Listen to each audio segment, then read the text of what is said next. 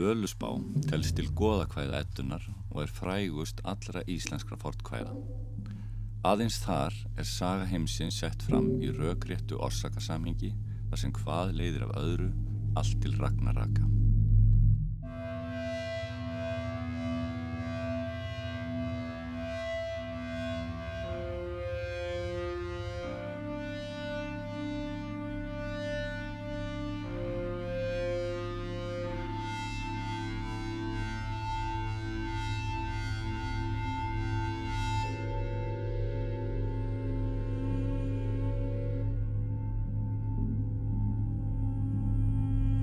Er varðveitt í tveimur gerðum í konungsbók ettu kvæða frá setni hluta 13. aldar og í þeim hluta högsbókar sem er frá miðbyggi 14. aldar. Aug þess sem nokkur erindi er í gilvæginningu ettunar sem talið er að Snorri Sturluson hafi sett saman á þriðja áratug 13. aldar. Völusbá er mælt fram af völvu sem segir frá sköpun heimsins og friði allsnekta hjá góðum Uns þrjár þursamæjar komu og þau sköpuðu dverga og síðan menn. Gullveig kemur bæði til goða á manna, íllindi hefjast og leiða til víga sem magnast uns öll lögmál er brotin.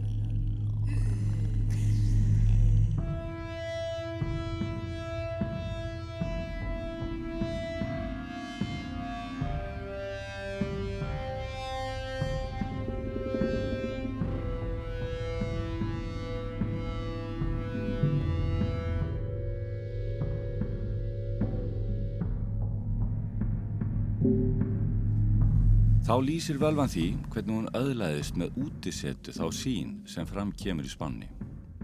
Baldur, hinn góði ás, verður drepin, óvinir, ráðlausra goða eblast og gala verður til ragnarraka þar sem allt ferst í eldi, bæði heimur goða og manna. En jörðin rýs upp í annað sinn og þar mun hinn flekklausu búa og indi snjóta.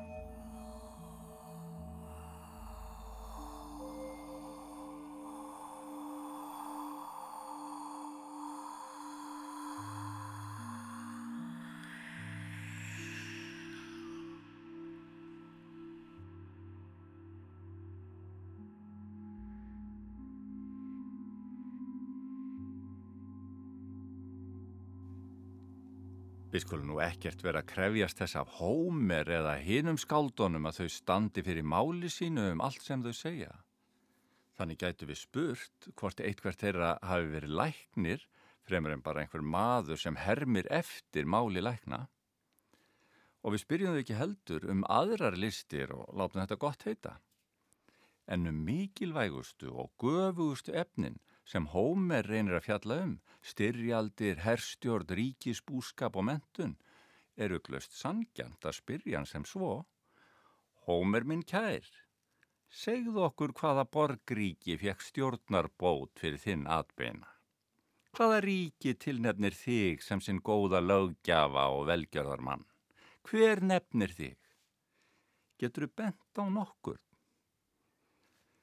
Svona spyr Sókrates af læfísi sinni í þýðingu Ejjóls Kjallas Ejjólssonar á tíundu bók ríkisins eftir Platón. Þegar Sókrates færi rauk fyrir því að ekki sé hægt að hleypa skáldskap sem fælst í eftirlíkingu inn í fyrirmyndaríkið þar sem skinnsemi heimsbyggingana á að leggja grunn að réttlátu þjóðskipulagi.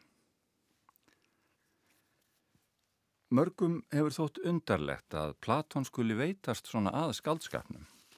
Hann, sem var sjálfur mikill listamaður og mikill skald, sem gætt brugðið fyrir sig hvers konar stíl og sett fram hugsun sína með stórfenglegum líkingum sem hvert skald gæti verið stolt af, eins og Ejólfur Kjalar segir í ingangi sínum að ríkinu. Í því samhengi hefur verið bent á að Platón sé hér að láta Sókrates veitast að hennum hefðbundnu munlegu sagnakvæðum sem hafðu verið þekkingabanki og siðferðis viðmið hins munlega samfélags, kynnslóð fram að kynnslóð og að svo gaggrínislausa miðlun munlegu hefðarinnar sem hómerskviður eru hluti af verði nú að víkja fyrir henni greinandi hugsun sem er byrjuð að sapnast upp með vaksandi notkun rítmáls. Við sjáum því hér í orðum Sókratesar inn í kjarnar þeirrar byltingar sem varði í mannlegu samfélagi þegar bókmenningin var að taka við af munlegu hefðinni sem mannkinnið hafi stöðist við með alla sína hugsun, þekkingu, stjórnsýslu og miðlun í mörg ár þúsund þar á undan. Okkur Íslandingum er stundum leið á hálsi fyrir að eiga okkur ekki neina heimsbyggilega samræðihefð. Það við séum ekki enþá búin að ná hennum forn gríska þorraska að greina vandamálinn með heimsbyggilegum hætti og leita skinsamleira lausna á samfélagsvandanum. Það við leiðumst fremur út í að taka á ágreinsmálu með því að segja sögur af sjálfum okkur, ættingum eða vinum og viljum með þeim hætti varpa ljósi á umræðefnið. Það við stöndum með öðrum orðum en þá í sporum Hómers og eigum eftir að tilenga okkur Platón. Þetta er þá haft til marksum frumstæða aðferð okkar við að skilja og fjalla um veröldin. Aðferð sem sé enn á stíi hennar munlega hefðar og hafi ekki tekið út þann þroska sem rítmenningin frá Platón og síðar öldum hafi bóðið ímsum þróðum samfélögum upp á. En hér má benda á að sögur í bundnumáli og óbundnu eru elsta aðferð mannsins til að skoða samfélagið og samfélagslega hegðun sína. Sína hvernig menn eigi að hegða sér og hvernig ekki. Aðferð til að fjalla um og lýsa hvernig leysa megi úr ágreiningsmálum með formlegum og markvisum hætti sem leiði til nýðustöðu samkvæmt fyrirfram ákveðnum reglum eða lögum. Mannkinnið hefur frá öndverðu felt hugmyndir sínar um rétt og ránt, gott og vond og hefði eftirsóknarverða í lífinu inn í sögur og hvæði. Svo aðferð er góð og gild þótt hún sé ekki jafn gegnsæ og aðferð heimsbygginar og því ekki jafn hendu fyrir okkar opna líðræði stjóðfélag sem leitar hens fullkomna stjórnkerfis þar sem engum er mismunnað og frelsið og rétt sínin ríkja á öllu, óháð marg eða óræðri tólkun bókmyndateksta. Góðsagnakerfi og munlegur sagnaarfur fólks um alla jörð geymir langþróaðar greiningar á mannleiri hátsemi. Góðsögurnar er ekki bara hugtakakerfi til að fjalla um og skilja heiminkvolvið og þá jarðbundnu heimsmynd sem við erum miðpunkturinn í. Heldur magnaðær upp eiginleika náttúruaflana og flægjur sálarlífsins í persónu gerðum góðmögnum sem speikla mannlífið, ástir og örlög, digðir og lesti í eiliðar baráttinni um auð og völd og vanda okkar allra að lifa með sæmt. Ástæðan fyrir því að allar þessar sögur er ekki eignaðan einum höfundum í okkar skilningi, Hómers kviður voru til dæmis ekki ortar eitt daginn af manninum Hómer, er svo að þær hafa verið sagðar frá árdögum hins hugsandi manns, með viðbótum og útúrdúrum og breytingum í hvert sinn til að laga þær að áhuga flytjenda og annara þáttakanda, aðstæðum tilefni og þörfum samfélagsins á hverjum tíma. Það er því engin hegómi eða óáheyrilegu skaldskapur sem lifir af þá lang slípun kynnslóðana sem er að verki í munlegu hefðinni. Allri uppsapnari þekkingu þarf að halda á lífi um leið og eitthvað nýtt bætist við á kostnað annars sem glemist. Í ljósi mikilvægi skoðsagna fyrir mannlega hugsun skýtur skökku við að heyra nútíma menn nota orðið góðsaga sem samheiti fyrir legasögu og vittleysu og tala um að afhjúpa góðsögur þegar flettur ofan á ránkugmyndum. Þetta er að vísu skiljanlegt með það í huga við vitum nú að skýringar góðsagna jarðarbúa á uppbyggingu heimsins er ekki í samræmi við heimsmynd nútíma vísinda og það sem við teljum okkur vita best um hvernig híminnettirnir þeitast í allar áttir og hvernig efnið ringar sig saman allt upp í vetrarbrautir og sólkerfi á sinni flegi ferð út í buskan. En góðsögurnar eru enga síður réttar og með að segja rökréttar innan þeirrar myndar af heiminum sem blasti og blasir við berum augum allra manna sem ekki hafa flóið eða farið til tungsins. Og þó að sjálf heimsmynd góðsagnana standist ekki vísindalega skoðun er allt annað í greiningu þeirra á mannleiri hegðun en þá jafn djúbviturt, satt og rétt og það var á steinöld.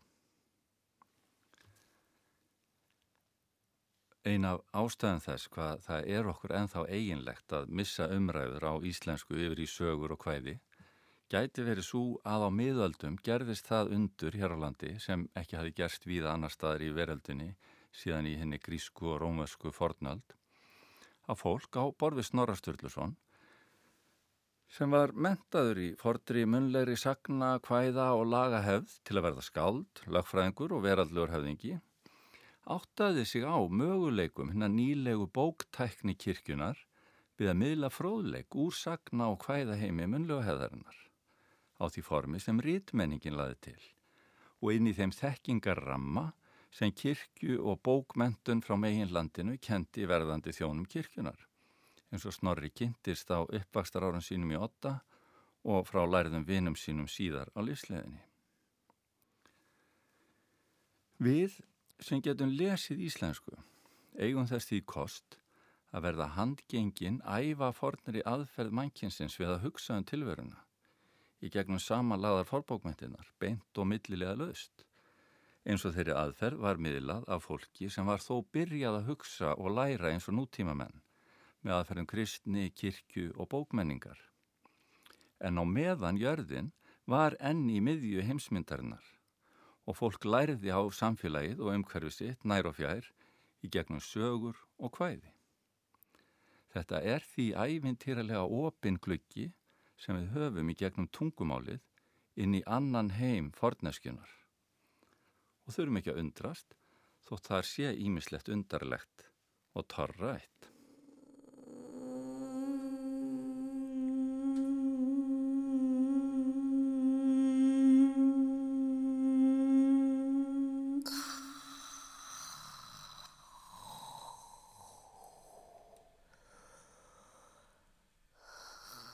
Haraldur Bessason frá Kýrholti í Skagaferði, þar sem tindastóll blasir við þeim sem fer út á mótnana að segja kýtnar, lengi íslensku prófessor við háskólan í Manitoba í Kanada og síðar fyrsti rektor háskólans á Akureyri, vittnaði oft til völusbár í ræðu og riti. Mörgum þótti jafnvel nóg um hvað völusbá virtust oft eiga við hinn ólíkustu málefni, norðan heiða, einhvern þegar kom að siðferðislegum álitamálum.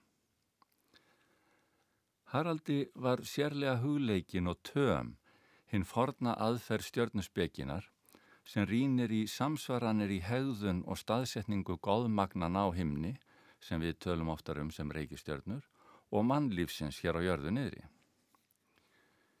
Elstu mannvirkir hingin í kringum jörðina eru öll staðsett til að fanga slíka speiklun við heimingkvolfið.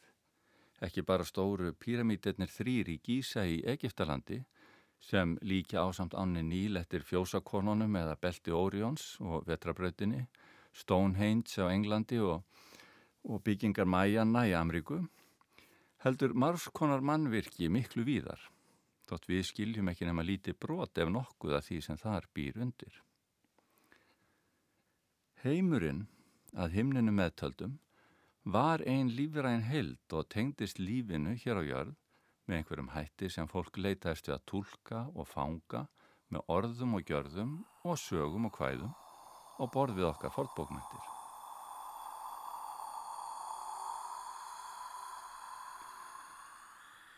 Haraldi varð starfsýnt á það hvernig Völusbá vann með þessa tvískiptingu og speiklun góðsagnana í hvæðinu við mannlífið hér á jörðu niðri. Í Völusbá nýtast allt um það hvernig guðir og menn takast á við þann vanda sem uppkemur vegna deilna í samfélagið þeirra. Í upphafi er engöngu sáð saga heimsins og þeirra góðmagna sem í honum eru, áður en hennar fyrstu mannverur, askur og embla, eru vaktað til lífs fyrir atbeina guðanna og örlaganordnina þrjár koma á sviðið til að ákvarða mannum örlög. Þegar þessari sviðsmynd hefur stilt upp með atbyrðum úr fortíðinni á stund sköpunarinnar er völfunni ekkert af anbúnað að bregða sér inn í þá nútíð sem við erum enþá stödd í. Áheyrendum verður smá samaljóst að örlög vuða á manna eru samstiga. Þó að þinn samfelda heldarsaga sé engöngu sögð á guðunum, er stökusinnum brúðið upp skyndimyndum úr mannheimum sem varpa ljósi á að þar er þróunin öll með samamóti. Gullveig, tákmynd, óseðjandi græðgi og gullþorsta kemur til guðana og veldur hennu fyrsta fólk víi í heimi. Um leið og því erindi sleppir, gætir völvan þess að skilja ekki mann heima út undan. Gullveig nefnist heiður þegar hún kemur til húsa en það orð var áður nota þegar goðin fundu ask og emblu og hlustendur með að þá vita að mennirnir fá ekki umflúið sömu átök og spruttu upp meðal guðana við komu gullvegar. Hún sem er alltaf eftirlæti eða ángan íllrar þjóðar. Heiði hana hétu, hvar er til húsa kom? völu, velspá, vitti hún ganda, segð hún kunni, segð hún leikin, æ, var hún ángan, yllrar þjóðar.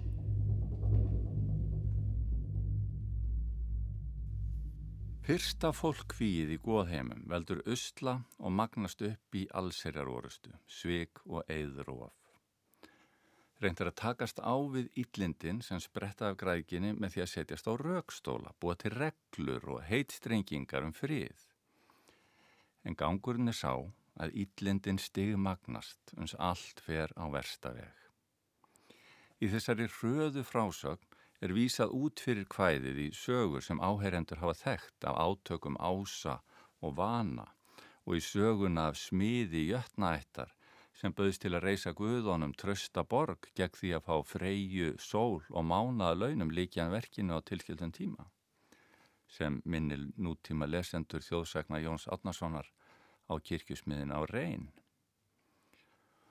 Og sjálfur Loki er fenginn þegar verklokk nálgast til að blekja smiðin svo æsirnir þurfu ekki að standa við sinn hluta samningsins.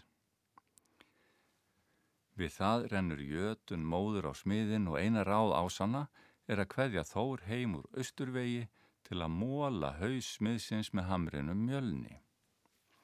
Þar með stendur ekkit eftir af þeim lögum og regluverki sem goðin hafðu sjálf komið á til að við mættum lifa saman í veröldinni, þannig ekki verður aftur snúið á beinu brautinni til glötunar í ragnarökum. þá gengur reygin öll á raukstóla.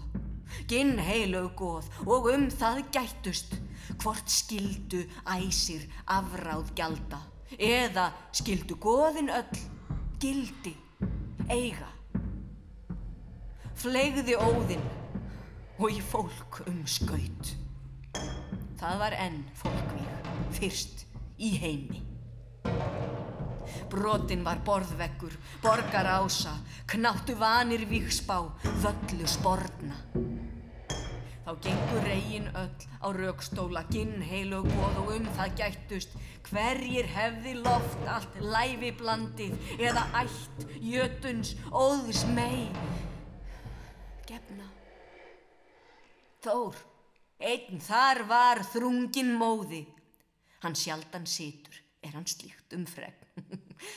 Ágengust eigðar, orð og særi, málöll meginleg er á meðal fóru.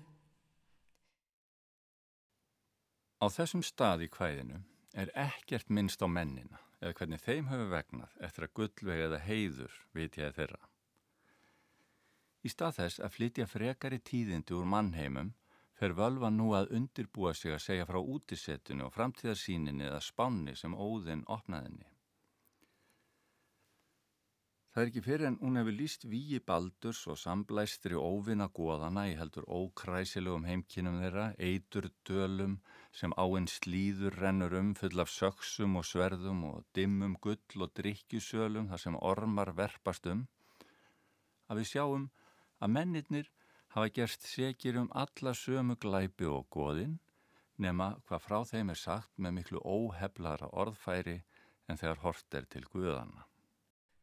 Sá hún þar vaða þunga ströyma, menn meinsvara og morðvarga og þann er annars glepur eirarúnu. Þar sög nýðhöggur, nái, framgengna, sleit vargur vera, vitu þér enn, eða hvað.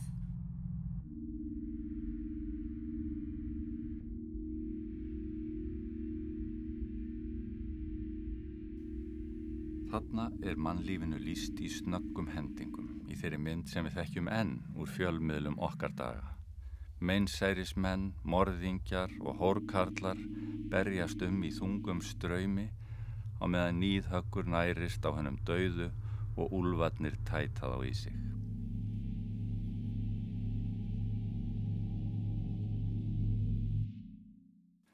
Frá þessari örskot sín til mannheima fer völvan og teflir fram óvinnum góðana þar til hanarni þrýr gala til ragnaraka. Fyrst hinn fagurrauði fjalar hjá óvinnunum í austri en svo færist ógnin nær góðunum sjálfum í áskarði.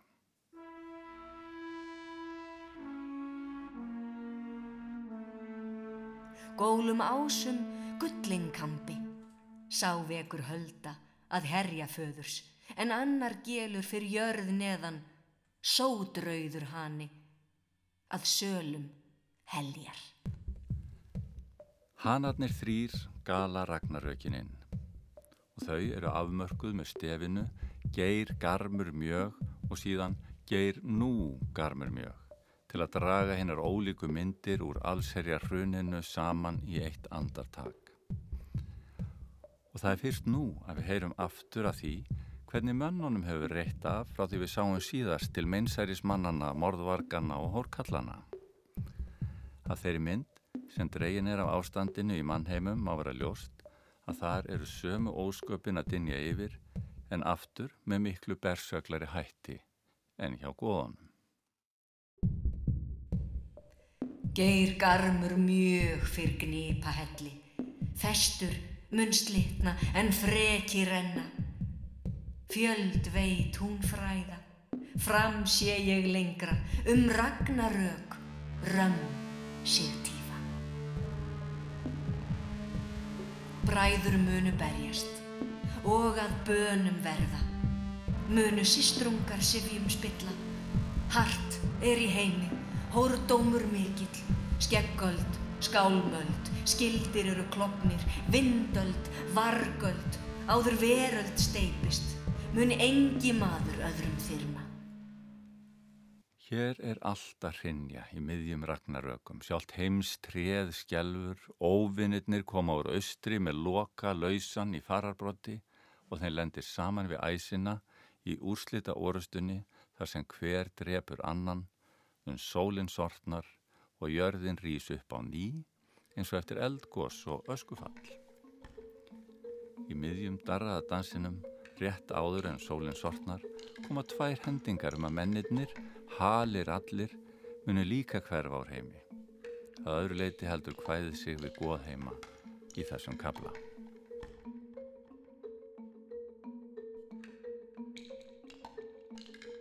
Ymur yð aldna tré en jötun losnar. Skelfur yggdrasils askur standandi. Geir nú garmur mjög fyrr gnipa helli, festur mun slitna en freki renna.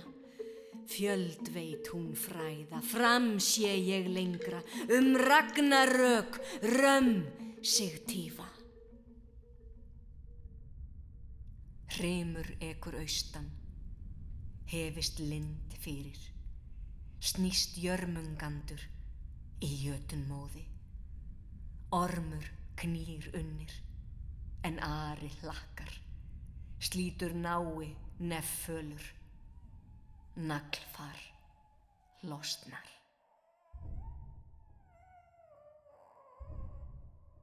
Kjóll fer austan, koma munu múspels um lög líðir en loki stýrir, fara fýbls meir með freka allir, þeim er bróðir bíleifs í för. Eftir allan háaðan, drápin og eldin, ríkir þögn og fögur byrta eftir ragnarök. Við heyrum létt skvaldur þeirra ása sem eftir lifa á yðavelli, hinnar gullnu töblur frá sællífinu í árdaga eru teknar fram að nýju Gróðurinn tekur við sér og allt verður gott þegar bræðurnir höður og baldur búa í tóftum valhallar í hennum víða vind heimi eða á himni. Loks sér völvan inn í nýjan sál sem hefur sloppið við eldin, gimlega. Þar er byrtan sérkennileg því svo virði sem sólinn skín ekki lengur heldur er komin önnur byrta, sólu fegri, þar sem rétt síðaðir menn búa eftir ragnarök, ekki ósvipa sæluvistinni á himnum kristninar. Þannig heldur völusbá tvískiptingunni lifandi allt til hvæðisloka með því að segja aðalsöguna á sviði guðana en bregða jafnframt upp smámyndum af hlutskipti mannanna sem sína hversu samofinn örlög þeirra eru því sem gerist hjá guðum á himnum.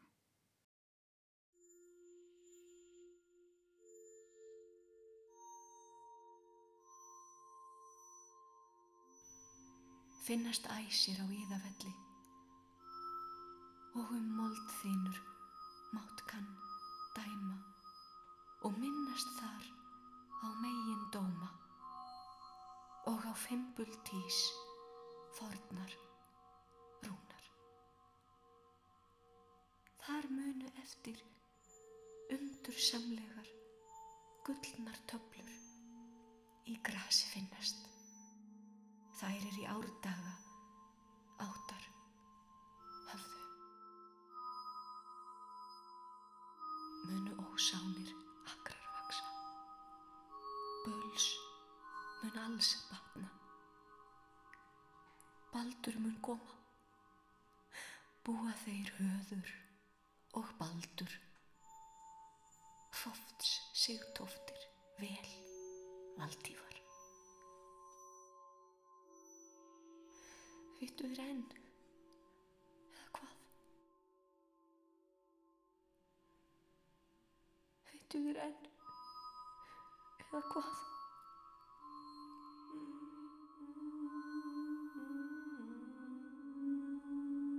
Þá kná hænir hlaut við kjósa og burir byggja, bræður að tveggja vindheim víðan.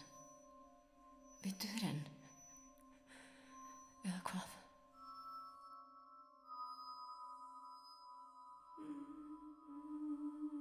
Sál. Sér hún standa. Sólufæðra. Gulli þaktan. Á gimli. Þar skulu diggvar dróttir byggja og um aldur daga indis njóta.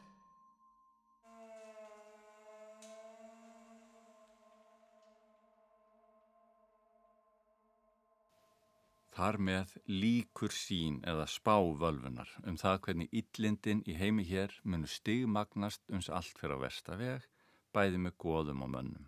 Allt mun hrinja en rýsa að nýju, að nokkru leiti með sömu personum og okkvöldum við sjónarrönd. Og þannig gengur lífið sjálft, aftur og aftur, hjá hverjum einstaklingi, frá vöggu til grafar og hjá samfélögu manna á öllum öldum. Með orðum Sigurða Nordals, efnið er stórfelt og varðar alla, örlög heimsins, goða á manna, þar sem baráttu andstæðra aflaði líst á þann hátt að hver maður kennir um leið sína eigin sögu. Í völusbá er deiluminstrið útfært þannig að goðin reyna að koma ósýnilegum og óskrifuðum laga og regluböndum á ófriðin og óvinni sína. Líkt og þau fjötruðu fenrisúlf með dýn kattarins, skeggi konunar, rót bjargsins, sínum bjarnarins, andafisksins og ráka fuggsins. En í mannheimum er allt miklu gróara og hamlulausara Þar er talað um að hart sé heimi hórdómur mikill og að bræður muni berjast uns enginn þyrmi öðrum. Góð og hetjusjóðunar í konungsbók ettu hvaða rekja ógæfu heimsins til græðki og baráttu um auð, ástir og völd. Í völusbá eru tekinn stór stökk í gegnum alla heimsöguna á jörðu sem á himni.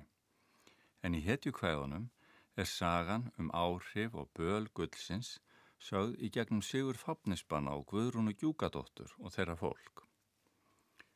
Fápnir leggst á gulli sem hann og dvergbróður hans reygin eiga saman og neytar að deila því með öðrum. Eyingirnin verður Fápni að falli og gullið kemst inn í mann hetju heima með Sigurði en kallar ekki minni bölfun yfir hann og fjölskyldans. Það veldur mannvígum, saklausra jæmt sem þeirra sem hafa eitthvað til þess unnið og þó að gullið sjálft hverfi úr heiminum og grafist niður á botn rínar þar sem það liggur enn, er ekkert lát á ógæfinni. Guðrún missir eiginmenn sína eins og nafna hennar í lagstælu og börnin falla öll í einni samfeldri atbyrðar ás. Lokk situr Guðrún ein eftir í síðasta kvæði bókarinnar, hamdismálum, einstæði með orðin sem öspi holti, fallina frændum sem fura að kvisti. Í lífi fjölskyldunar hafa orðið þau ragnarök sem völusbá lýsir. Sömu hugmyndir líka til grundvallar ímsu í sjálfum Íslandingasögunum. Þær eru átakasögur, fjalla oft um ofinber og persónleg viðbröð við ágreiningsefnum og ólíkum hagsmunum út af beit, reka og ástum um leiðu þær miðla til áherenda hugmyndum um rétta og viðurkjanda hegðun í þeim aðstæðum sem sögupersonu lenda í. Með leita til góðana eða lögfræðingana og fá þá til liðsvið sig til að flytja mál fyrir sig á þingum og ofnbærum vettvangi með lögum og rökum, lagakrókum og málþófi en almenningur, personurnar sem áttu upptökin, vegast ofta á með vopnum á sama grófa hátt og mennirnir í völusbá anspænis fáuðu regluverki góðana eða tilraunin þeirra til að veita deilumálum í henni eftirsóknarverða löglega farveg. Hægt er að setja sjálfa njálu inn í þetta mót, völusbár, en líka stittri og síður þekktar sögur á borfi hænsnaþóri sögu. Átök eru viðvarandi í samfélögum manna og aðferð góðsagnana og hennar jarðbundnari Íslandingasagna til að leysa úr þeim er að sína með dæmum hvernig tiltekin hegðun leiðir til ófarnaðar og hvernig sé þá hægt að taka á vandanum án þess að samfélagsáttmálinn fjötur Fenrisúls rofni. Það er ekki fyrr en hinn ósýnilegi laga og siðferðis fjötur slittnar að allt í óefni ragnaraka eða njálsbrennu. Í sögunum kynnumst við lang þróaðri hefð um þingkald sem er oftalinn geima rótina líðræðisleiri hugsun Norðurlandabúa. Við lesum um það hvernig frjálsir karlmenn koma saman og ráða ráðum sínum, ganga á raukstóla og um það gætast eins og í goðin í völusbá og leiða deilur til lykta með lögum og dómum að bestum hana yfir sín. Um leið er raunsægið slíkt í sögunum að þær sína hvað mönnur reynist oft erfitt að breyta eftir því sem þeir þó vita að þeir satt og rétt. Að því að hafa hlusta á sögur og hvæði en ekki af raukræðum við Sókrates eins og hjá Platoni. Allar geima fornbókmæntinnar greiningu á mannlegri hegðun og lýsa hugmyndum um rétt og ránt og vanda manna í þeirri stöðugu baráttu sem þeir eiga í um völd og virðingu í veröldinni. Ekki er erfitt að greina sömu minnstur í átakastjórnmálum samtímans. Við erum stöðugt að reyna að láta jörðin að rýsa aftur á nýjum grunni en finnum jafnframt að allt sækir í sama farið. Þegar við höldum að nú sé loksins öllu vel fyrir komið í hennum glæsta sal á gimli, vitum við ekki fyrir til en henn dimmi dregi nýðhöggur kemur fljúandi með líkin í vangjónum.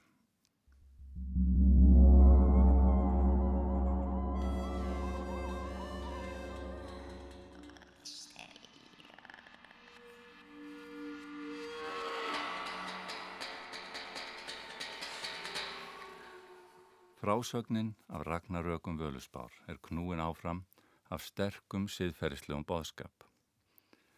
Nútíð kvæðisins er ekki síður lýsing á samtíð okkar og boðskapur hvaðisins er enn í fullu gildi, hvort sem við vilja tengja hugmyndafræðina við heiðni eða kristin áhrif síðari alda. Í loka erindinu kemur völvan aftur til áherenda sinna og lætur okkur finna fyrir því að svo ókvænlega framtíð sem hún hefur spáð fyrir um sé nánast að bresta á. Rétt áður en hún sekkur sjálf og hverfur að sviðinu beinir hún aðtiklinni að fegðar bóða okkar allra sem kemur fljúandi við istu sjónarönd.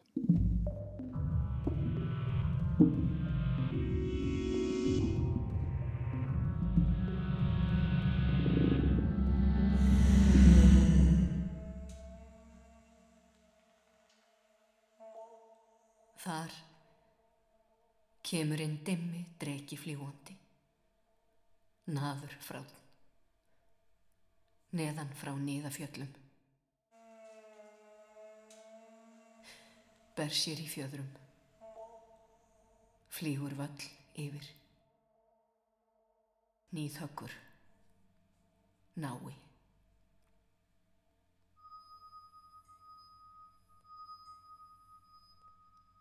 Nú mun hún sökk.